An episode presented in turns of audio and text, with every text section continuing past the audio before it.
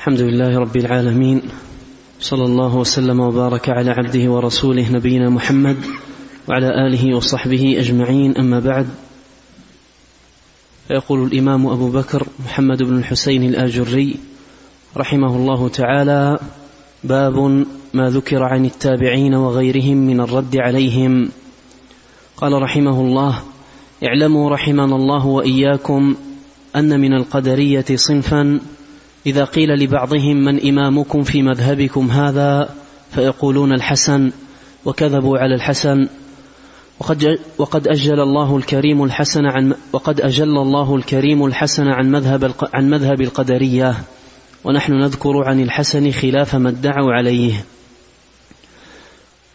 قال أخبرنا الفريابي قال حدثنا قتيبة بن سعيد قال حدثنا حماد بن زيد عن خالد الحذاء قال قدم علينا رجل من أهل الكوفة فكان مجانبا للحسن لما كان يبلغه عنه من القدر حتى لقيه. فسأله الرجل أو سئل عن هذه الآية. قدم علينا. قدم علينا. قدم علينا رجل من أهل الكوفة فكان مجانبا للحسن لما كان يبلغه عنه من القدر حتى لقيه. فسأله الرجل أو سئل عن هذه الآية. ولا يزالون مختلفين إلا من رحم ربك ولذلك خلقهم. قال لا يختلف أهل رحمة الله. قال ولذلك خلقهم. قال خلق أهل الجنة للجنة وأهل النار للنار فكان الرجل بعد ذلك يذب عن الحسن. بسم الله الرحمن الرحيم. الحمد لله رب العالمين وأشهد أن لا إله إلا الله وحده لا شريك له وأشهد أن محمدا عبده ورسوله صلى الله وسلم عليه وعلى آله وأصحابه أجمعين.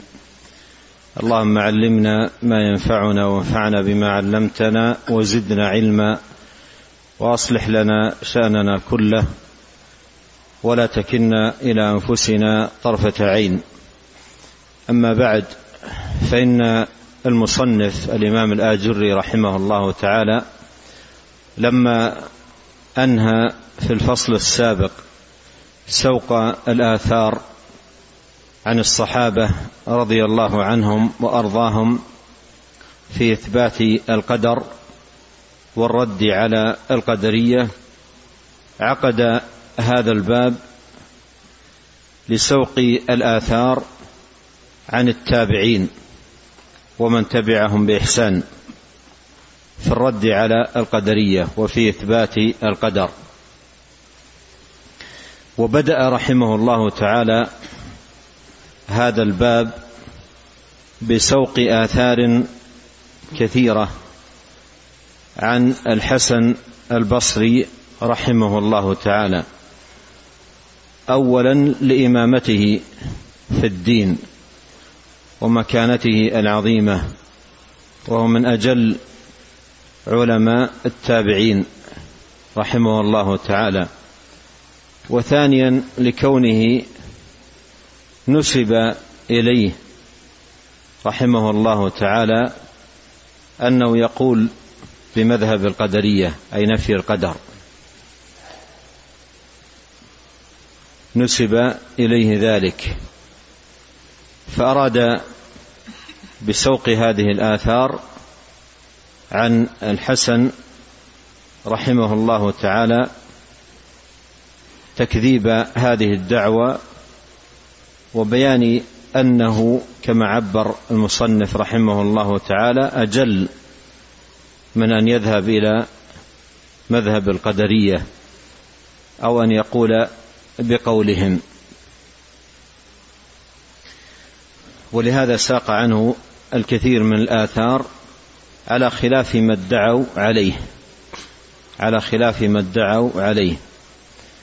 وهنا يستفاد فائدة لأمر موجود في قديم الزمان وحديثه ألا وهو أن المبطله أهل الباطل يحاولون من أجل نشر باطلهم نسبه إلى أهل العلم.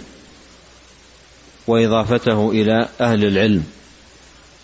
وادعاء أن فلانا من أهل العلم يقول بقولهم ويؤيد مذهبهم. وإذا محص الأمر تبين أنه كذب. وهذا يحصل كثيرا يحصل كثيرا في قديم الزمان وحديثه. تجد صاحب بدعة يقول العالم الفلاني يؤيدنا أو يذهب مذهبنا. أو نحن تبع لفلان كذبا وزورا. ولهذا يحتاج الأمر إلى عدم تلقي مثل هذه الأخبار بالقبول والتسليم وإنما يرجع يرجع إلى الأئمة أنفسهم إن كانوا أحياء وإلى كتبهم ومصنفاتهم إن كانوا أمواتا. أورد هنا الأثر الأول عن الحسن في إثبات القدر أن رجلا من أهل الكوفة كان مجانبا للحسن لما كان يبلغه عنه من القدر حتى لقيه. مجانبا له أي مجانبا لمجالسته مجانبا لمجالسته لأن بلغه أنه يقول بالقدر. لكن هذا الرجل اكتفى بهذا الذي بلغه دون أن يتحقق وبقي فترة من الزمان قد تكون طويلة مجانبا لهذا الإمام مبتعدا عن مجالسته. لكن جمعه به مجلس فسأل فسأله الرجل أي نفسه أو سأله سائل عن هذه الآية ولا يزالون مختلفين إلا من رحم ربك ولذلك خلقهم. قال أي الحسن رحمه الله لا يختلف أهل رحمة الله. قال ولذلك خلقهم. قال خلق أهل الجنة للجنة وأهل النار للنار. وهذا واضح في إثباته للقدر ومجانبته لمذهب القدرية. قال خلق معنى ولذلك خلقهم أي خلق أهل الجنة للجنة. وخلق أهل النار للنار. هؤلاء خلقهم وقضى وقدر أنهم من أهل الجنة وهؤلاء خلقهم وقضى وقدر أنهم من أهل النار. فهذا واضح وصريح عنه رحمه الله تعالى في إثباته للقدر. قال فكان الرجل بعد ذلك يذب عن الحسن. فكان الرجل بعد ذلك يذب عن الحسن. أي تبين أن الأمر الذي بلغه عن الحسن ليس بصحيح إنما هو كذب على الحسن رحمه الله تعالى.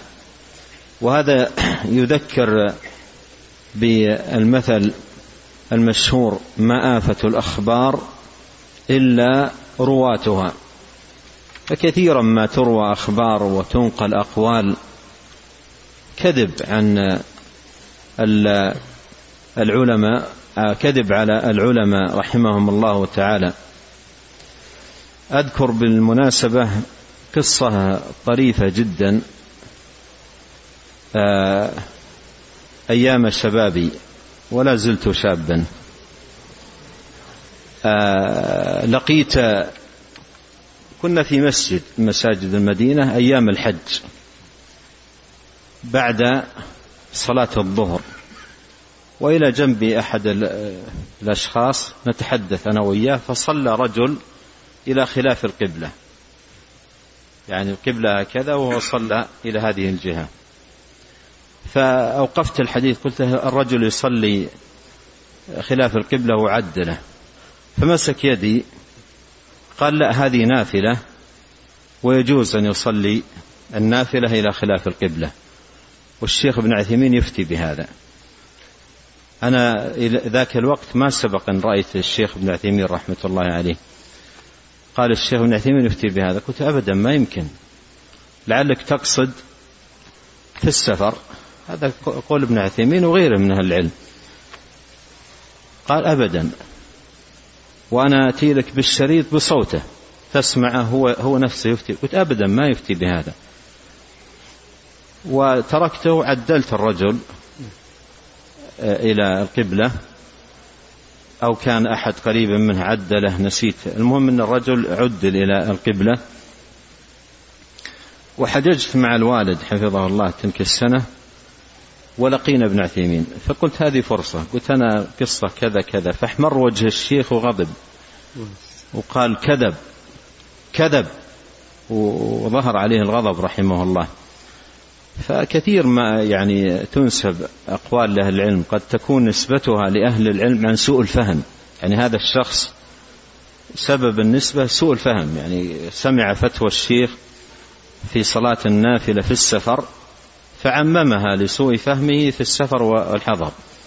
ولقيته بعد الحج من شباب ومتحمس إلى قلت كيف تقول على الشيخ؟ أنا سألت الشيخ. ويقول كذب أن تكذب على الشيخ. قال لا أنا مخطئ. أنا سمعت فتواه مرة ثانية وهو يقصد مثل ما قلت في في صلاة السفر. قلت نعم هذا كذب على الشيخ والشيخ قال لي إنك تكذب عليه. نعم. قال رحمه الله تعالى وأخبرنا الفريابي قال حدثنا أبو بكر ابن أبي شيبة قال حدثنا إسماعيل بن علية عن منصور بن عبد الرحمن قال قلت للحسن قوله تعالى ولا يزالون مختلفين إلا من رحم ربك قال الناس مختلفون على أديان شتى إلا من رحم ربك ومن رحم ربك غير مختلف قلت ولذلك خلقهم قال نعم خلق هؤلاء للجنة وخلق هؤلاء للنار وخلق هؤلاء للرحمة وخلق هؤلاء للعذاب.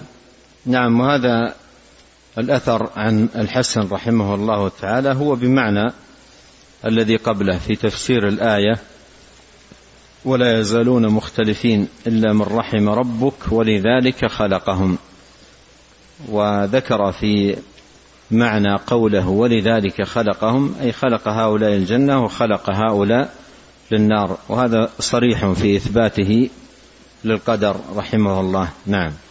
قال رحمه الله تعالى وأخبرنا الفريابي قال حدثني أبو أمية الواسطي قال حدثنا يزيد بن هارون قال أخبرنا مبارك عن الحسن في قوله تعالى ولو شاء ربك لجعل الناس أمة واحدة قال على الهدى ولا يزالون مختلفين إلا من رحم ربك. قال أهل رحمة الله لا يختلفون ولذلك خلقهم. قال للاختلاف خلقهم. نعم وهذا الأثر عنه آه، أيضا صريح في إثبات القدر. اولا في قوله في معنى قول الله عز وجل ولو شاء ربك لجعل الناس أمة واحدة قال على الهدى جعلهم أمة واحدة أي على الهدى. فكون المرء على الهدى أو كون المرء على الضلال إنما هو بجعل الله. فهو سبحانه وتعالى يجعل من يشاء على الهدى ويجعل من يشاء على الضلاله يهدي من يشاء ويضل من يشاء. فالأمر بيده سبحانه وتعالى وبقضائه وقدره. وأيضا في قوله ولذلك خلقهم. نعم. قال رحمه الله تعالى وأخبرنا الفريابي قال حدثنا عمرو بن عثمان قال حدثنا بقية بن الوليد عن ثور بن يزيد عن الحسن بن أبي الحسن قال جف القلم وقضي القضاء وتم القدر بتحقيق الكتاب وتصديق الرسل وسعادة من عمل واتقى وسعادة من عمل واتقى وشقاوة من ظلم واعتدى. وبالولاية من الله للمؤمنين وبالتبرئة من الله للمشركين. وأيضا هذا فيه إثبات القدر وأن القلم جف أي بما هو كائن إلى يوم القيامة من كفر أو إيمان هداية أو ضلال طاعة أو معصية. كل ذلك جف القلم به. وبكل ما هو كائن إلى يوم القيامة. قال جف القلم وقضي القضاء. أي فلا يقع إلا ما آه، جرى به القلم ومضى به القضاء. قال وتم القدر بتحقيق الكتاب وتصديق الرسل وسعادة من عمل واتقى وشقاوة من ظلم واعتدى. وبالولاية من الله للمؤمنين وبالتبرئة من الله للمشركين. نعم. قال رحمه الله تعالى وأخبرنا الفريابي قال حدثنا قتيبة بن سعيد قال حدثنا حماد بن زيد عن عوف قال سمعت الحسن يقول من كفر بالقدر فقد كفر بالإسلام ثم قال إن الله تعالى خلق خلقا فخلقهم بقدر وقسم الآجال بقدر وقسم أرزاقهم بقدر والبلاء والعافية بقدر وهذا أيضا صريح عن الحسن رحمه الله في إثبات القدر بل فيه أن جحد القدر وعدم الإيمان به كفر ناقل من الملة وأنه لا يستقيم إيمان مرء إلا بالإيمان بالقدر لأن القدر قدرة الله ومن جحد ذلك فهو كافر بالله فهو كافر بالله غير مؤمن. قال من كفر بالقدر فقد كفر بالإسلام.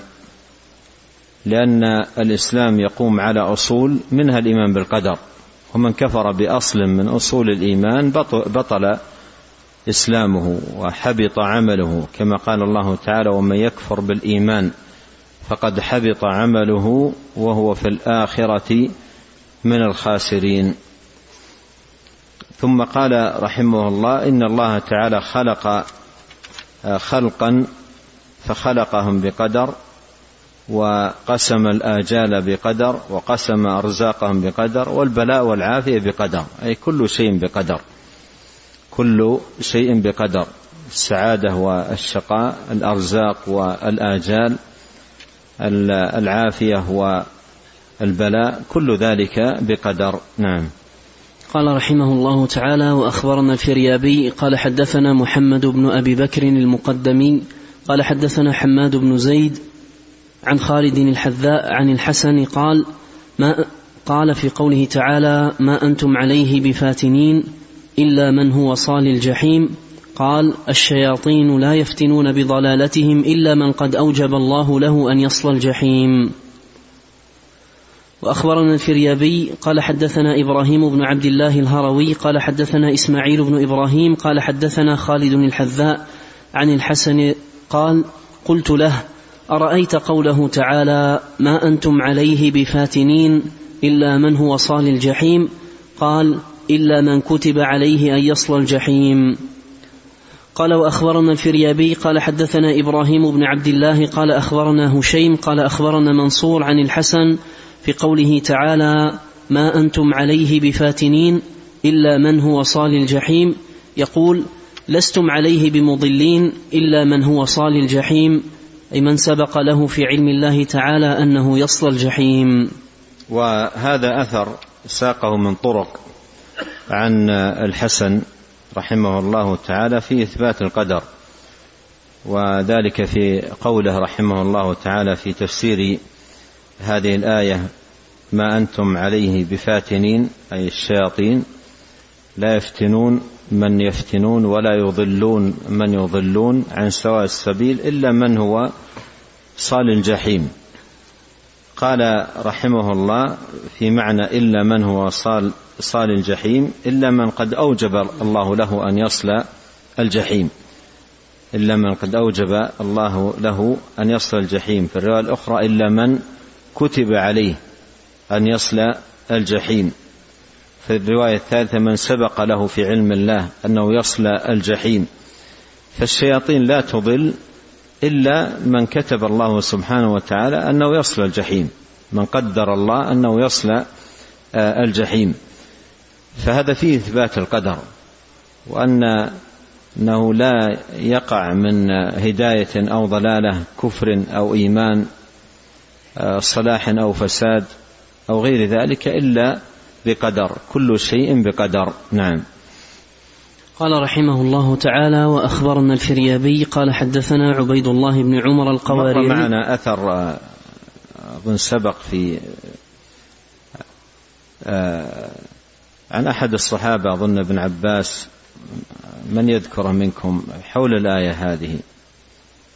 أو ابن مسعود؟ مر معنا في هذا الكتاب. أو من يدلنا على مكانه.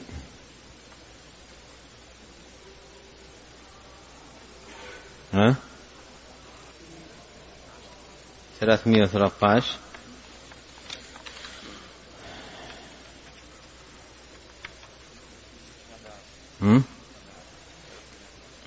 ثلاثمائة وأحد عشر. نعم. واصل القراءة. قال رحمه الله تعالى وأخبرنا الفريابي قال حدثنا عبيد الله بن عمر القواريري قال حدثنا حماد بن زيد قال حدثنا خالد الحذاء قال خرجت أو غبت غيبة لي والحسن لا يتكلم في القدر فقدمت وإذا هم يقولون قال الحسن وقال الحسن فأتيته ودخلت عليه منزله قال فقلت يا أبا سعيد أخبرني عن آدم أللسماء خلق أو للأرض خلق؟ قال ما هذا يا أبا منازل؟ يا أبا منازل. قال حماد يقول لي خالد ولم تكن هذه من مسائلنا. قال قلت يا أبا سعيد إني أحب أن أعلم. قال بل للأرض خلق. قال أرأيت لو اعتصم فلم يأكل من الشجرة؟ قال لم يكن له بد من أن يأكل منها لأنه للأرض خلق. قال وأخبرنا أبو زكريا يحيى بن محمد الحنائي قال حدثنا محمد بن عبيد بن حساب قال حدثنا حماد بن زيد عن خالد الحذاء قال خرجت خرجة لي ثم قدمت فقيل إن الحسن قد تكلم في القدر فأتيته فقلت يا أبا سعيد آدم خلق للأرض أم, أم السماء؟ قال ما هذا يا أبا منازل؟ فقلت إني أحب أن أعلمه قال للأرض قلت فلو اعتصم فلم يأكل من الشجرة. قال لم يكن له بد من أن يأكل منها لأنه للأرض خلق. وهذا الأثر أيضا عن الحسن رحمه الله تعالى في إثباته القدر وفي تكذيب دعوى من يدعي أنه يقول بالقدر. وهذه الدعوة ادعيت عليه في حياته رحمه الله كما يفيده هذا الأثر. ادعي عليه في حياته أنه يقول بالقدر والطريقة التي فعلها خالد الحذاء طريقة ينبغي أن يستفيد منها طلبة العلم في طريقة في, في طريقة التثبت من الأقوال عندما ينسب قولا مبتدع مبتدعا إلى عالم من العلماء.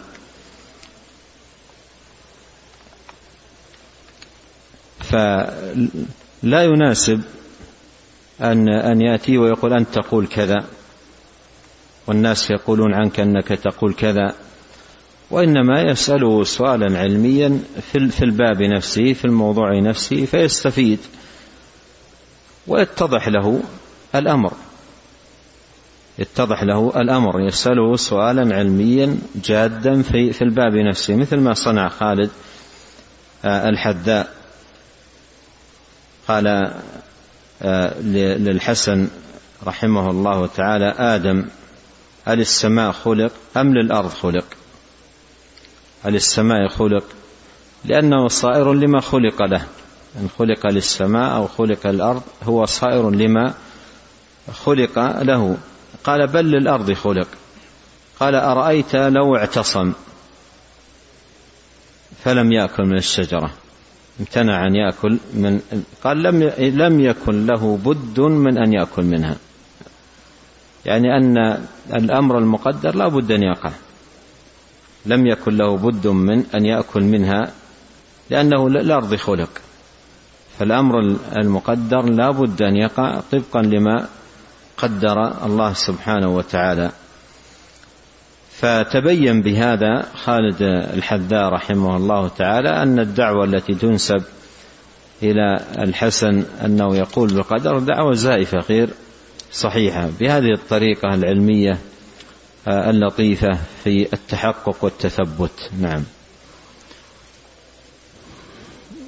قال رحمه الله تعالى وأخبرنا أبو عبد الله أحمد بن الحسن ابن عبد الجبار الصوفي قال حدثنا محمد بن بكار قال حدثنا إسماعيل بن زكريا عن عاصم الأحول قال سمعت الحسن يقول من كذب بالقدر فقد كذب بالحق مرتين إن الله قدر خلقا وقدر أجلا وقدر بلاء وقدر مصيبة وقدر معافاة فمن كذب بالقدر فقد كذب بالقرآن. نعم وهذا خاتمة ما أورده عن الحسن رحمه الله تعالى في إثبات القدر ومر بنحوه عن الحسن رحمه الله. من كذب بالقدر فقد كذب بالحق. تقدم معنا من كفر بالقدر فقد كفر بالإسلام. ختم الآجري رحمه الله هذه النقولات عن الحسن بقوله بطلت دعوى القدرية على الحسن إذ زعموا أنه إمامهم يموهون على الناس ويكذبون على الحسن لقد ضلوا ضلالا بعيدا وخسروا خسرانا مبينا. ومثل ما أسلفت يعني كثيرا ما يفعل ذلك أهل البدع في قديم آه، الزمان وحديثه. ينسبون باطلهم وبدعتهم إلى الأكابر من أهل العلم من أجل ترويج باطلهم. نعم. أنت قرأت هذا بطلت؟ لا. اذا اقرأه مرة ثانية حتى ما تغضب علينا الشيخ خالد. ابدا شيخ. الله قال محمد بن الحسين رحمه الله تعالى بطلت دعوى القدرية على الحسن إذ زعموا أنه إمامهم يموهون على الناس ويكذبون على الحسن لقد ضلوا ضلالا بعيدا وخسروا خسرانا مبينا. نعم. قال رحمه الله تعالى أخبرنا الفريابي قال حدثنا أبو عثمان أحمد بن محمد المقدمي قال حدثنا سليمان بن حرب قال حدثنا عبيد الله بن شميط عن عثمان البتي قال دخلت على ابن سيرين فقال لي ما يقول الناس في القدر؟ قال فلم أدري ما رددت عليه. قال فرفع شيئا من الأرض فقال ما يزيد على ما أقول لك مثل هذا. إن الله تعالى إذا أراد بعبد خيرا وفقه لمحابه وطاعته. وما يرضى به عنه ومن أراد به غير ذلك اتخذ عليه الحجة ثم عذبه غير ظالم له. أعد عن عثمان البتي. قال عن عثمان البتي قال دخلت على ابن سيرين فقال لي ما يقول الناس في القدر؟ قال فلم أدر ما رددت عليه. قال فرفع شيئا من الأرض فقال ما يزيد على ما أقول لك مثل هذا. إن الله تعالى إذا أراد بعبد خيرا وفقه لمحابه وطاعته وما يرضى به عنه ومن أراد به غير ذلك اتخذ عليه الحجة ثم عذبه غير ظالم له. نعم وهنا أخذ يسوق بعض الآثار عن آه، الإمام محمد بن سيرين رحمه الله تعالى من أئمة التابعين وفيه إثبات القدر. وبين رحمه الله أن قول القدرية قول باطل وقول فاسد قال ما يقول الناس في القدر؟ فلم أدري ما رددت عليه. قال فرفع شيء من الأرض فقال ما يزيد على ما أقول لك مثل هذا. ما يزيد على ما أقول لك مثل هذا إن الله تعالى يعني ولا شيء قليل. الأمر في هذه المسألة مسألة القدر لا يزيد على ما أقول لك ولا شيء قليل جدا بل هو كما أقول لك تماما. يعني هذا المراد بقوله ما يزيد على مثل هذا أي كما أقول لك تماما لا يزيد عنه ولا شيئا يسيرا ولا قدرا آه، قليلا. إن الله إذا أراد بعبده أو بعبد خيرا وفقه لمحابه وطاعته وما يرضى به عنه. ومن أراد به غير ذلك اتخذ عليه الحجة ثم عذبه غير ظالم له. وهذا فيه إثبات القدر. نعم. قال رحمه الله تعالى وأخبرنا الفريابي قال حدثنا عبيد الله بن معاذ قال حدثنا أبي قال حدثنا ابن عون عن محمد بن سيرين أنه قال ما ينكر قوم أن الله علم شيئا فكتبه. هذا فيه إظهار شناعة قول القدرية نفاة القدر. مثل ما ينقل عن الشافعي قال حاجوا القدرية بالعلم. فهو يظهر هنا رحمه الله تعالى شناعة قول القدرية يقول ما ينكر قوم أن الله علم شيئا فكتبه؟ هل هذا ينكر عاقل؟ أن الله علم شيئا يعني علم ما هو كائن وكتبه كتب ما هو كائن سبحانه وتعالى يظهر بذلك شناعة قول هؤلاء وأن من ينكر القدر ما قدر الله حق قدره سبحانه ولا عظمه حق تعظيمه. نعم. قال رحمه الله تعالى وأخبرنا الفريابي قال حدثنا قتيبة بن سعيد قال حدثنا معاذ بن معاذ عن ابن عون قال لم يكن أبغض أو قال أكره إلى محمد بن سيرين من هؤلاء القدرية. قال وأخبرنا الفريابي قال حدثنا عبيد الله بن معاذ قال حدثنا أبي قال حدثنا ابن عون قال لم يكن قوم أبغض إلى محمد بن سيرين من قوم أحدثوا في هذا القدر ما أحدثوا. نعم وهذا عن ابن عون. يذب عن ابن سيرين ويبين مكانته رحمه الله تعالى وأنه لم يكن أبغض إليه أي من أهل البدع والضلال من هؤلاء القدرية. نفاة القدر. الذين أحدثوا في هذا القدر ما أحدثوا. فكان يبغضهم رحمه الله تعالى بغضا شديدا. نعم. قال رحمه الله تعالى وأخبرنا الفريابي قال حدثنا أبو بكر بن أبي شيبة قال حدثنا معاذ قال أخبرني ابن عون قال أخبر رجل محمد بن سيرين عن رجلين اختصما في القدر فقال أحدهما لصاحبه أرأيت الزنا بقدر هو؟ قال الآخر نعم. قال محمد وافق رجلا حيا. نعم قوله وافق رجلا حيا أي يفهم.